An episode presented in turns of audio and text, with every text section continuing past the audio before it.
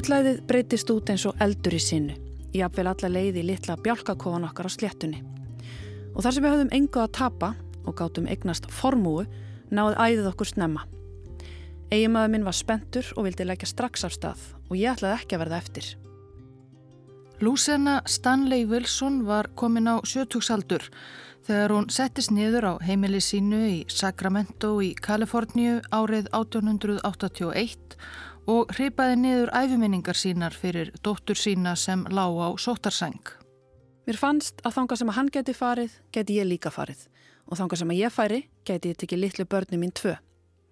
Sem móðir var mín fyrsta hugsun um börnin. Ég hafði varðla hugmynd um hvað ég var að leið úti. Annars held ég að ég væri enn í bjálkakofanum mínum í Missouri. Lúsena Stanley Wilson fer reyndar ekki yfir fyrir hluta æfisinnar í minningarbrótum sínum og um hann er því lítið vitað. Hún var að líkindum fætt 1820 inn í stóra kvekarafjölskyldu í norður Karolínum. Eins og margar aðrar tók fjölskylda hennar sig upp og flutti vestur til Missouri þegar Lúsena var rétt um tvítugt. Þar giftist hún manniða nafni Mason Wilson og árið 1849 þegar endurminningar hennar hefjast bjó hún með honum og tveimur ungum börnum þeirra við nauman kost í bjálkakofa á sléttunni og gullæðið greipðau.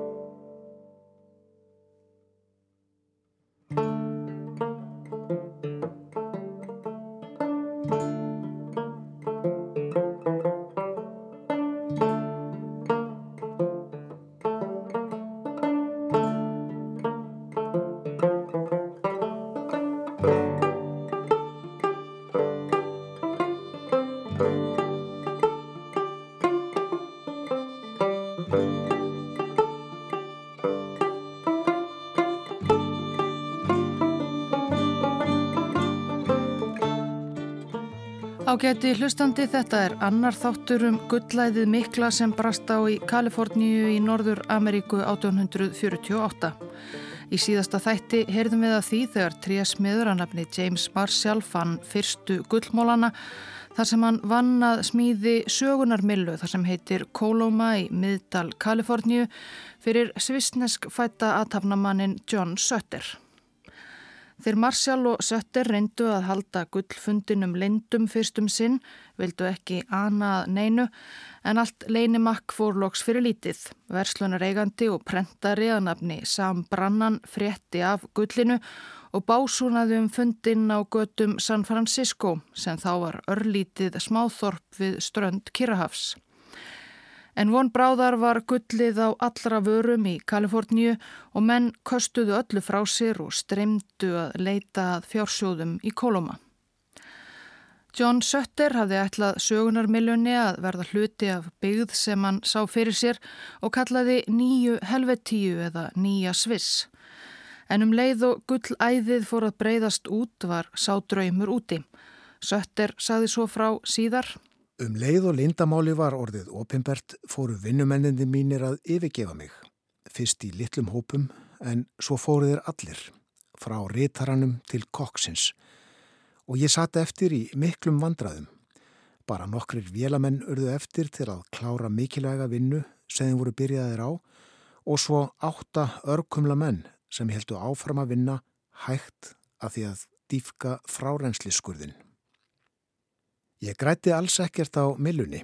Sútunastöðin mín sem hafði gengið mjög vel var yfirgefin, leðrið var skilið eftir óklárað í kerjunum og mikið magna fráum skinnum varð verðlust. Það hýrti engin lengur um slíkt rusl eins og þér kolluðu það. Svona var þetta með allt sem ég hafði komið á fót. Allt var yfirgefið, mér til mikils fjártjóns. Svo fór fólkið að streyma frá San Francisco og annar staðar úr Kaliforníu. Þar eignaðist ég of marga nýja nágrana og meðal þeirra voru margir slæmir. Í stuttumáli lögðu fljótt allir vinnumenn Sötters niður störf. Kanski ekki að undra þar sem hann var ekki sérlega góður yfirmaður og helt meðal annars frumbyggjum í því sem ekki er hægt að kalla annað en þrældóm á ökrum sínum og þeir fóru að leita að gullmólum í ám og lækjum í miðdalnum.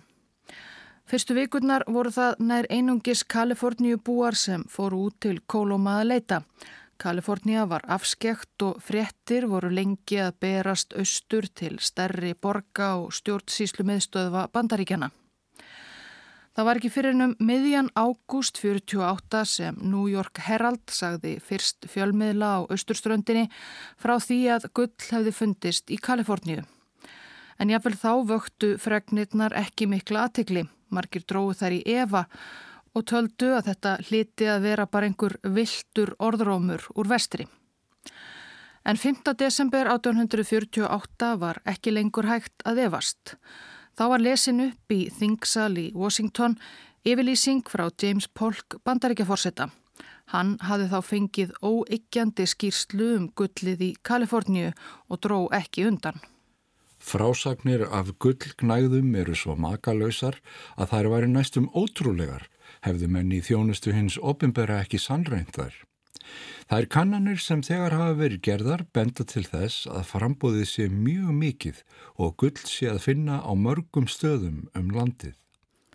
Með þessum afdráttarlausu orðum bandaríkjaforsetta fór trillt gullæðið í gang fyrir alvöru.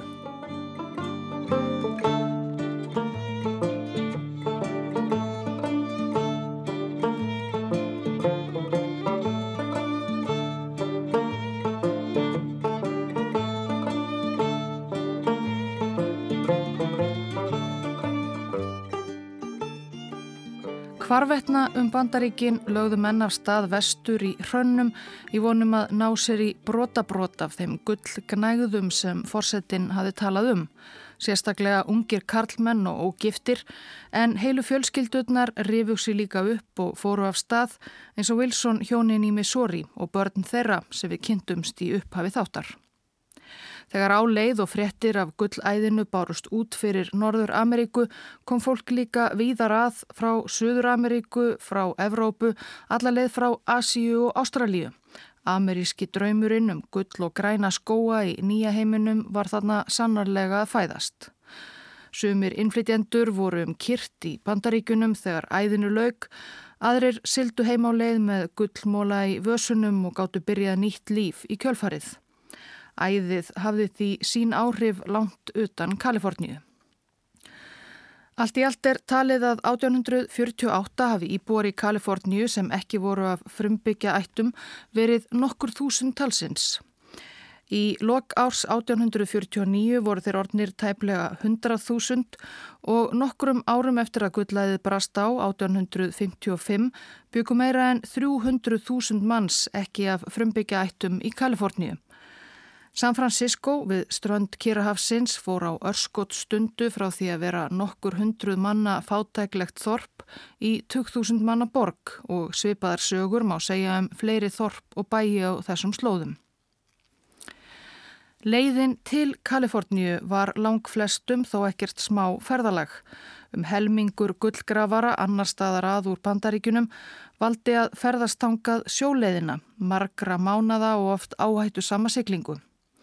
Landleiðin þvert yfir Norður Ameríku, mörg þúsund kílometrar yfir fjöll og eðimerkur, var ekki auðveldari og hafði þegar heimt mörg líf ferðalanga eins og frá var greint í síðasta þætti.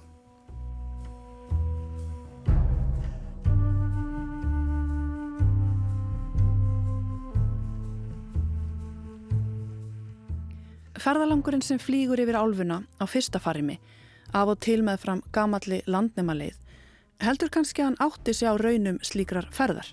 Úr æfiminningum Lúsenu Wilson.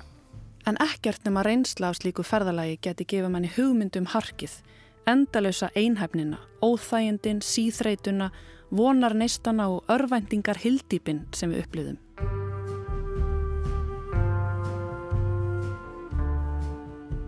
Við rákust ofta á menn sem hefðu gefist upp, orðið viðskila við félaga sína, skili vagna sína eftir og voru á leið fótgangandi heim. Mér hryllir en við minningunum það þeir er sá lígrafið í fyrsta sinn á nokkurar aðtapnar eða kistu. Það eru margar ómertar grafir við gamlu landnæmaleðina. Það var engin tími til að sirkja, vini eða ættingja, engin tími til annars en sleitulausrar göngu í átt að gullinu. Wilson hjónin og börn þeirra komu sloks allaleið til Kaliforníu eftir langa og erfiða ferð einhver tímanum mitt ár 1849.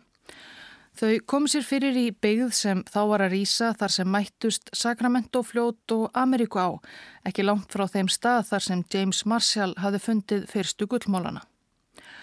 Þar hafi ímislegt breyst. John Sutter í nýju helvetíu hafi mist nær allt sitt og æstir gullgravarar tekið yfir löndhans. Í Söttervirki sem eitt sinn hafi verið blómlegur áningarstaður ferðalanga á leiðinni til Kaliforníu og verslunarstöð var búið að stela flestu steini léttara og byggingarnar fullar af rónum og ónitjungum.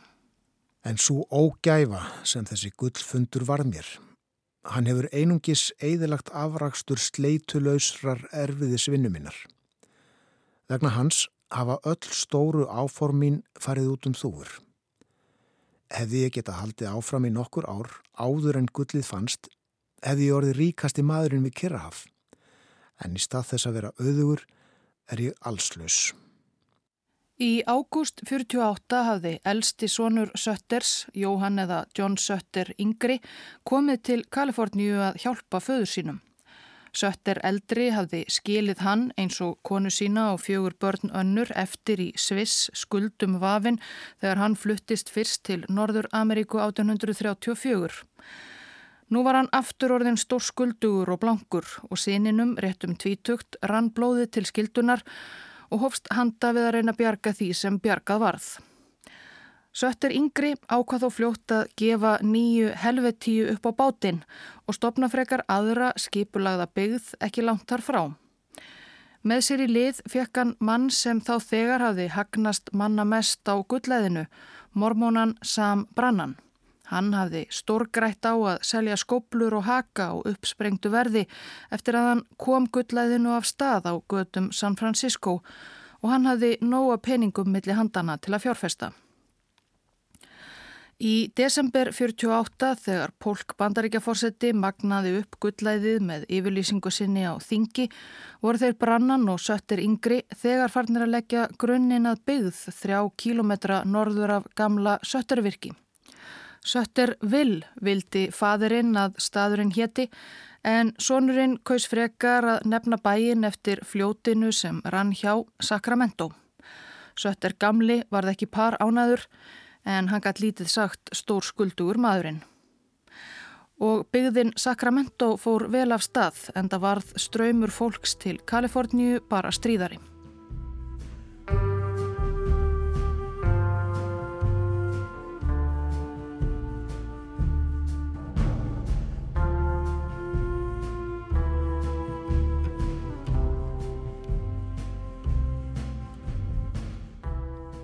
Skömmu eftir komuna til Sacramento seldu Wilson hjónin, Mason og Lucena nautgripi sem þau höfðu flutti yfir álfuna frá Missouri og notuðu hagnaðin til að kaupa hluti í litlu gistihúsi þar í bænum. Það var Lucenu upplifun að koma þar inn fyrir dyr í fyrsta sinn. Ímyndið ykkur aflangt herbergi, döflega upplýst af tólkarkertum í viskiflöskum með kójum frá golfi til lofts báðumegin. Í einu horninu var bar með röðum af flöskum og glösum og þar drukku tveir eða þrýr guttgrafarar. Barþjóðnin, klættur eins og sambland af sjóara og kúreka, hjælt þeim í skefjum valdmannslegur í fasi. Því barþjóðnin var þessum fyrstu dögum mikilvægasti maður bæjarins. Í hinu horninu voru menna rýfast um spil og klauvalegir fingur leku fyrir dansi á brotnafiðlu. Einnungur maður las brefið snarkandi kerti og tárin sem runnu niður enn skegglaust andlitið sáðu sitt um heimþrána í hjarta hans. Sumir mannana lágu sjúkir í rúmum sínum, aðri sváfu og úr einni kójunni á þessa undarlegu blöndu af kæti og sorg starði nákvítt andlit döðsmanns. Þeir hafðu glimt að hilja reyfingalust andlitans með teppi og þarna lág hann, stjarfur, hljóðulátt vittni um tilfinningarleysi fyrstu landnumanna. Hvað var eitt döður maður til viðbútar? Það saknaðans enginn. Á þessum undarlega stað tóku hjónin frá Missouri til við gistireksturinn. Líkt og fleiri þáttakendur í gullæðinu enduðu þau á því að leita alls ekkert að gulli. Það var enda nógu öðru að sinna í Kaliforníu þessi missurinn. Luciana Wilson sá um eldhúsið og vakti sérlega aðtegli því það voru langt um fleiri karlar í Kaliforníu en konur þessa dagana. Alltaf ég gekkin á gistuheimilið hljóðunuðu hávara rattirnar. Blótið hætti, slagsmálinn stöðuðust og mér var sínd slík virðing og tillitsemi að það var líkt og ég var í drottning. Ég var drottning. Hvaða kona sem saði við þessa einmanna menn með heimþrá, eitt vinalegt og skilningsrikt orð var drottning. Það var lítið um konur á þessum tíma. Ég bjóði sex mánuði í Sacramento og sá aðeins tvær aðrar konur. Kanski voru þar fleiri en ég sá þar alltjönd ekki.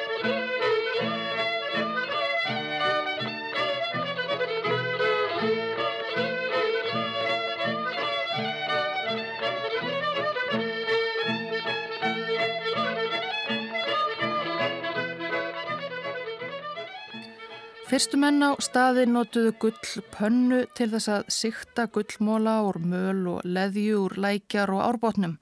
Þegar á leið komu gullgravarar sér upp tæknilegri leiðum til að geta leitað betur og sapnað meiru, siktuðu möl í stórum vöggum, veittu heilu ánum í stokka til að geta gramsað í botninum. Talið er að með slíkum aðferðum hafi gullgravarar sapnaðum nærri 400 tonnum af gulli á fyrstu fimm árum gullæðisins, andvirði margra miljarda bandaríkjadala á núverði. Vinnan var erfið og tímafreg en það var nóg að hafa fyrstum sinn fyrir þá sem römbuðu á góða staði. Þeir sem komið sér snemma út til Kaliforníu gáttu unnið sér inn árslaun verka eða vinnumanns heimaferir á einum mánuði. Með nokkura mánada erfiðisvinnu gatt gullgrafari unnið sér inn nót til að breyta lífi sínu, kaupa hús eða bíli eða stopna fyrirtæki. Þeir sem auðguðust mest á gullæðinu voru þó ekki endilega gravararnir. Fyrsti auðmaður æðisins var Sam Brannan sem notaði auðsinn á skoblu og pönnusölu til að byggja upp bæði Sacramento og San Francisco.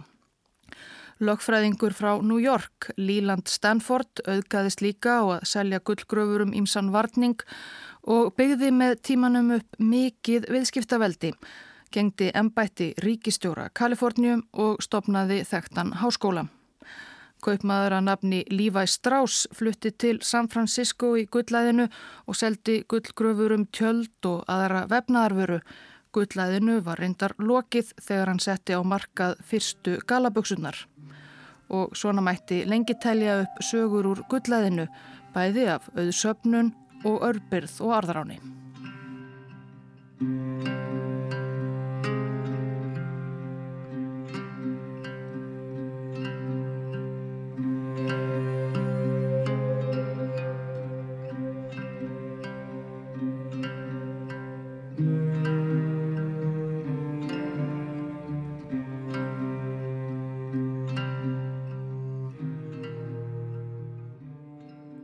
Frumbyggjar Kaliforníu voru meiri hluti íbúa svæðisins þegar gullæðið hófst, jafnvel eftir að hinnar fjölmörgu og fjölbreyttu frumbyggjathjóðir höfðu þurft að þóla miklar raunir af hendi spænskra og mexikoskra nýlenduherra í gegnum aldinnar.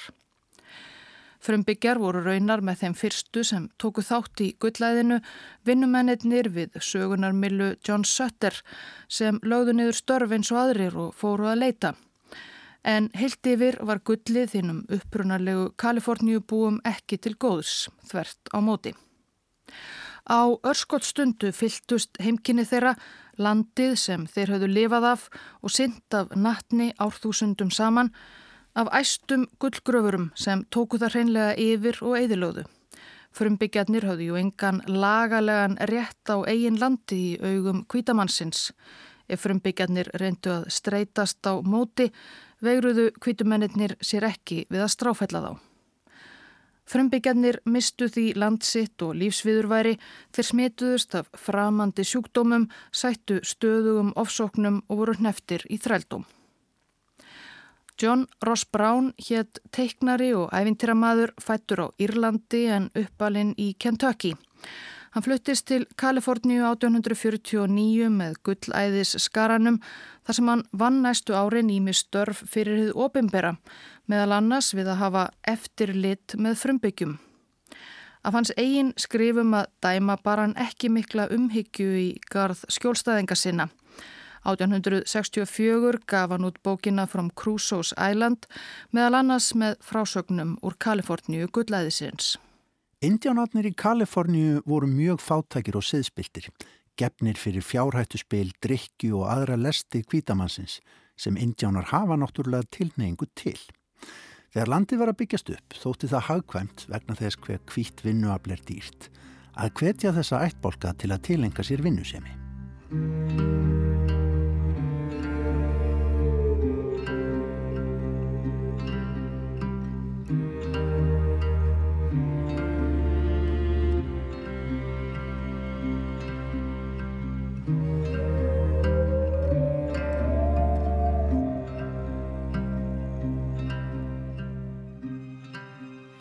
Þegar James Marshall fann fyrstu gullmólana var Kalifornia hér að í Mexiko. Bandarækjaman tóku Kaliforníu yfir skömmu síðar. Fyrstum sinn var Kalifornia innan bandaríkjana það sem kallaðist territory, altså ekki fullgilt bandaríki. En þegar landnemar flyktust til Kaliforníu og fór að byggja upp borgir og stopnanir ríkisvaldsins varð ákall þeirra hávært að hljóta fullgilda aðildað ríkisambandinu við fyrsta. Kaliforníu búar sóttu formlega um aðild að bandaríkunum í februar 1850 og í Washington var umsóknin afgreitt á met tíma. Kaliforníu var orðið fullgilt bandaríki 9. september sama ár.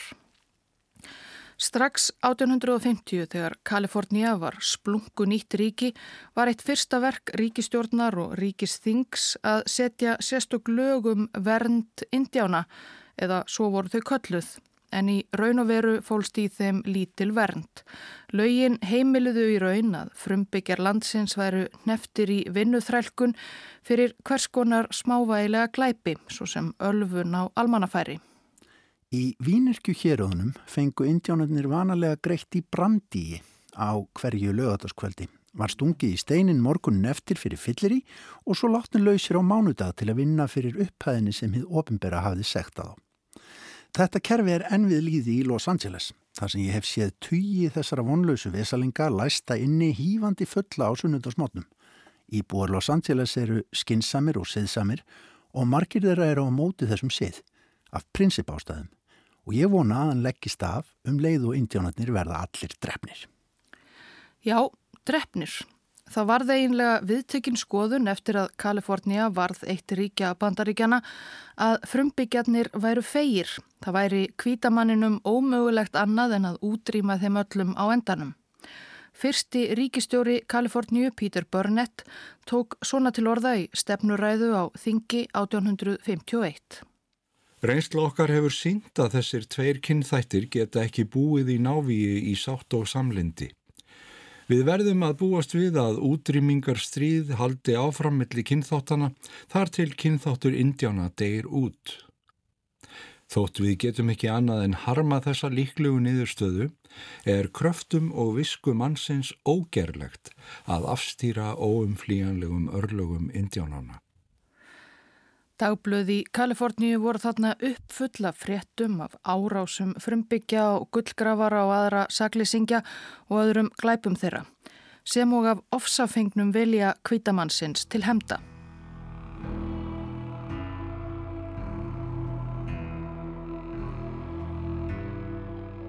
Kvítimaðurinn er orðin full viss um nöðsin þess að útrýma villimönnunum.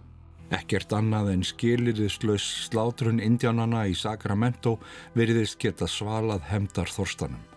Nú hljóma hrópum útrýmingu, brennandi þorsti að slátra körlum, konum og börnum, ungum og öldnum af kynþátti indjána. Hvar sem þá er að finna ætti að skjóta þá á stundinni eða rota þá, brenna þorp þeirra og neyða óttasleikna flottamennina lengra upp í fjöllin til að svelta. John Ross Brown, eftirlitsmaður með málefnum frumbyggja, fjallaði meira um hverstagslega grimd landnema í garð frumbyggjana í endurminningum sínum. Landnemar í norðri réðu indjána til að rekta jörðina. Eftir uppskjöruna voru indjánarnir reknir í burt að sjá um sig og fjölskyldu sína sjálfur yfir veturinn.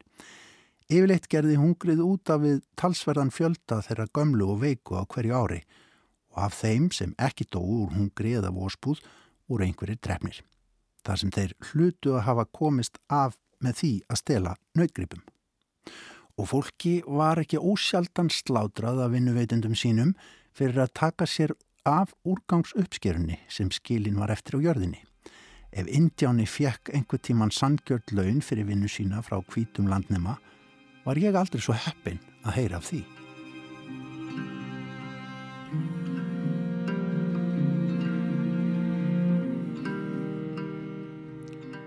Viltu indjánarnir í strandfjöllum Sacramento-dal, San Joaquín og vestur hlýðum Sierra Nevada voru stöðugt til vandræða snemma eftir að gullið fannst.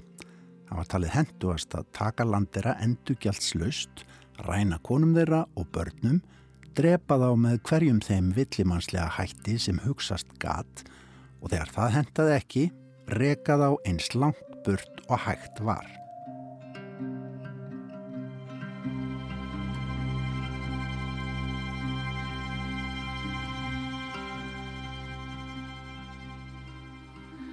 Ný yfirvöld kvítamannsins í Kaliforníu beinlinis kvöttu til morða á frumbyggjum.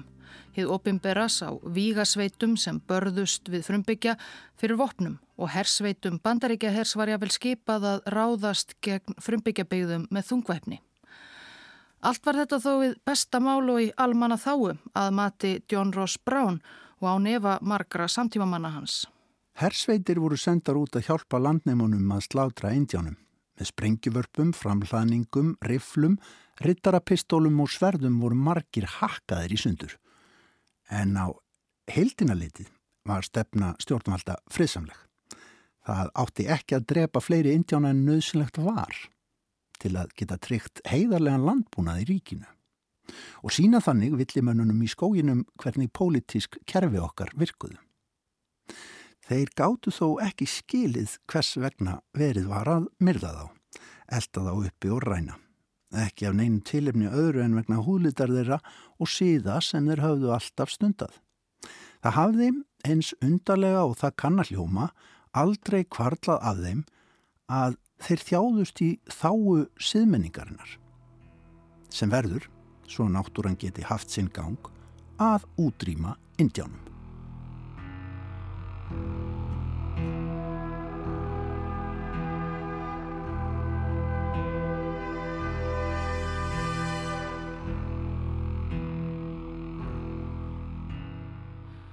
Það er erfitt að segja nákvæmlega hversu margir frumbyggjar Kaliforníu tíndu lífi á árum gullæðisins, en þeir voru margir.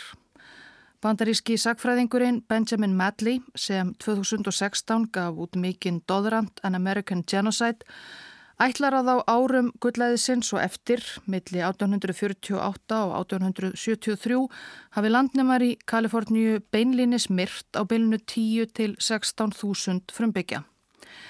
En fleiri týndu lífi vegna farsóta og hungurs og annara afleðinga þess að missa land sitt og viðurværi. Margir fræðimenn telja að í Kaliforníu hafi búið eitthvað um 150.000 frumbyggjar árið 1848 hafði þeim þá þegar fækkað umtalsvert síðan fyrir trúbóð spánverja í Kaliforníu sem fjallafar um í síðasta þætti. En um 1870 hafi þeir verið ordnir ekki nema um 30.000 og um aldamótin 1900 svo aðeins 16.000. An American Genocide, ameríst þjóðarmorð, er heiti bókar Benjamins Madley um efnið. Á síðari árum hafa bæði fræðimenn og talsmenn frum byggja Norður Ameríku lagt áherslu á að líta beri á atburðina í Kaliforníu á síðari hluta 19. aldar sem korki meira nýminna en þjóðarmorð skipulagða herrferð ríkisvalds landnema gegn frumbyggjum.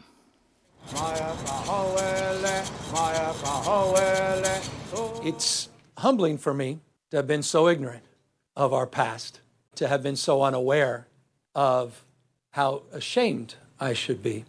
Gavin Newsom þingaði með höfðingjum Kaliforníu frumbyggja í trjálundi við Sacramento þegar hann var nýlega orðin ríkistjóri Kaliforníu í júni 2019. Newsom sagðist skammast sín sem Kaliforníu búi í fymta ætlið fyrir vannþekkingu sína um það hver blóði drifin saga ríkisins væri í raun, hver skipulögð útrymmingar herrferð kvítamannsins hafi verið. Coordination, collaboration, vigilantes, militiamen, federal soldiers working in concert.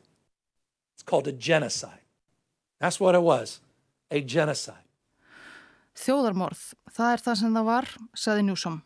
Fyrstur bandarískra ráðamanna viðurkendi hann þá formlega að landnemar í Kaliforníu hefði framið þjóðarmorð á frumbyggjum landsins. Hann baðst og afsökunar fyrir hönd kaliforníska ríkisins. And so I'm here to say the following. I'm sorry on behalf of the state of California. It's a long time coming.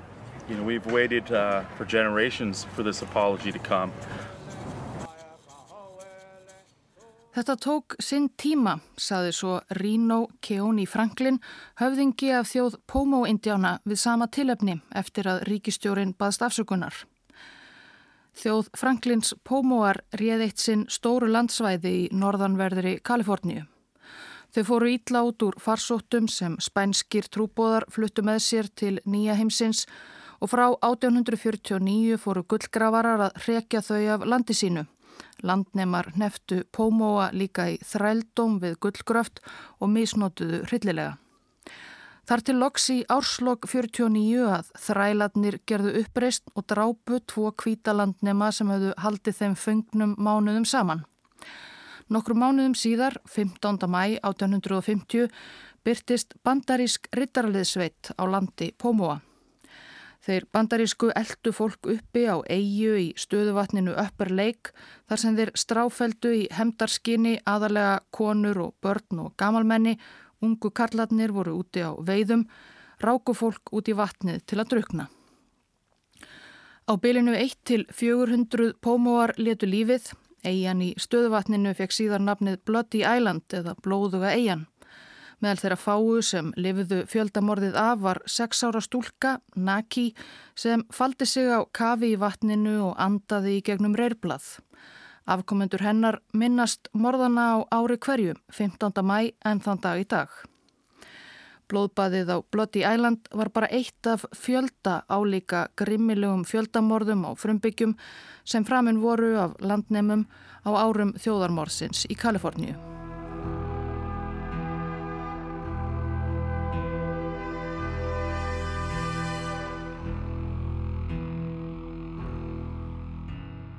Blómatímin er liðin, raunir að landnema árana er í fortíðinni, tötrum og lörfum fyrstu dagamina í Kaliforni hef ég næstum glimt í þægjendum og allsnægtum nútíðarinnar.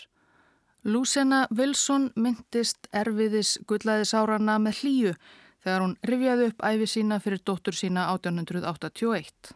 Ár þessi voru uppfull af erfileikum en ég næðast marga vini og minningaminnar eru ríkar af vingjallegum andlitum þeirra og endurómi hlýlegra orða. Þessir kæru vinnir sopna nú hver af öðrum. Margir liggja þegar hreyfingalösir undir grösugri, grætni, kalifornískri torfu. Með hverjum deginum þrengist ringurinn og eftir nokkur ár verður engin eftir af okkur til að tala um fyrstu dagana. Wilson hjónin mistu gistihúsið í Sacramento í miklu flóði í borginni 1850 en Lucena einsýns liðs rak síðar tvö önnur gistiheimili annar staðar í Kaliforníu með góðum árangri. Æfiminningar hennar eru einn helsta heimildin um að engurar konur hafi yfirleitt verið í Kaliforníu á þessum tíma. Hún lést 1902, 83 ára í San Francisco. Segja má að þið eiginlega gullæði í Kaliforníu hafi verið búið 1855, sjö árum eftir að það hófst. Þá var búið að finna mest af því gulli sem auðvelt var að nálgast. Gravarar farnir að nota sífælt flóknari og rótækari aðferðir til að finna það sem eftir var.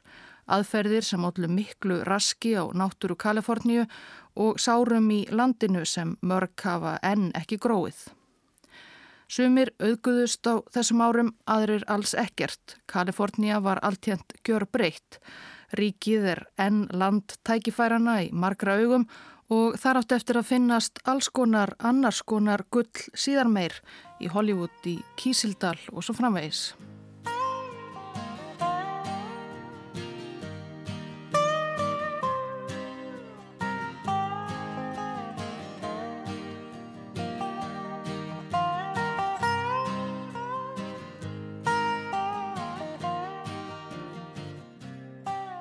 John Sutter sem átti sögunarmiluna þar sem fyrsta gullið fannst grætti sem fyrr segir ekkert á því.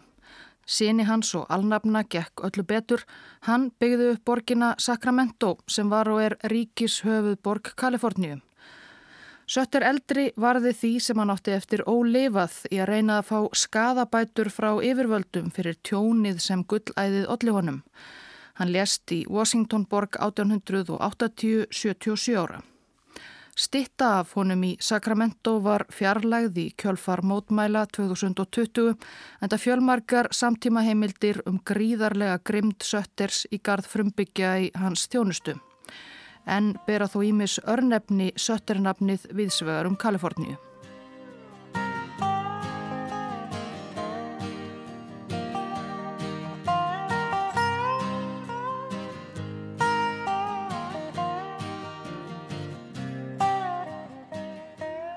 James Marshall, trésmiður Sötter sem fyrstur uppgötvaði gullið 48, kvarf næstum úr sögunni þegar brast á með æðinu. Hann gæti ekki klárað byggingu sögunarmilunar og gullgrafara röktu hann af hans eigin vinnusvæði. Hann reyndi síðan mér ímislegt til að hafa í sig og á, meira að segja að þykjast hafa yfir náttúrulega hæfileika til að finna gull, en það voru fáir sem fjallu fyrir því. Hann reyndi líka að krefjast einhvers konar skadabóta með litlum árangri. Hann endaði æfina 74 ára 1885 í algjöri örbyrð í litlum Timburkofa ekki langt frá fyrsta gullfundinum í síslu sem þá hafi fengið nafnið Eldorado eins og gullríkið goðsagnakenda. Sam Brannan, fyrsti auðmaður gullæðisins, notaði ríkidæmi sitt meðal annars til að kosta Vígasveit, San Francisco Committee of Vigilance, sem tók sér laurugluvaldi í San Francisco til að berjast við glæpagengi sem spruttu upp í lögleisunni á fyrstu árum borgarinnar. Vígasveitin varð allræmt fyrir að hengja mynda glæpamenn án dóms og laga og almenna grimt, svo ílt orð fór af henni að Sam Brannan var 1851 vikið úr mormónakirkjunni sem hann hafi tilengað stórum hluta æfinar. Brannan misti svo endanum meiri hluta auðafa sinna, sapnaði skuldum, ánetjaðist áfengi og þvældist um Kaliforníu og Mexiko slippur og snauður síðustu ár æfinar. Hann lest 1889, 70 og lág í líkhúsi San Diego í meira en ár áður en nokkur bar kennsl á lík mannsins sem hafi komið gullæðinu af stað fjórum áratugum áður. Spring of 47 So the story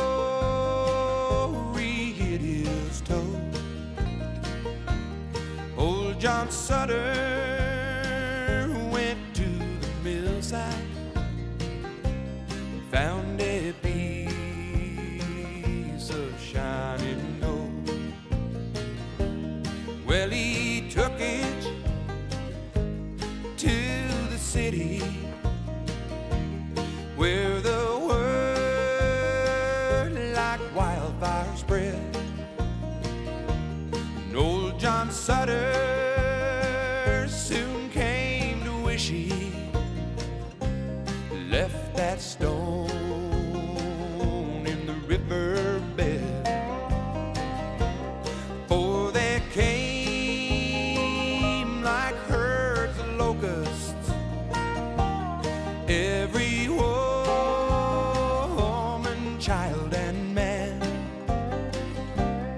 in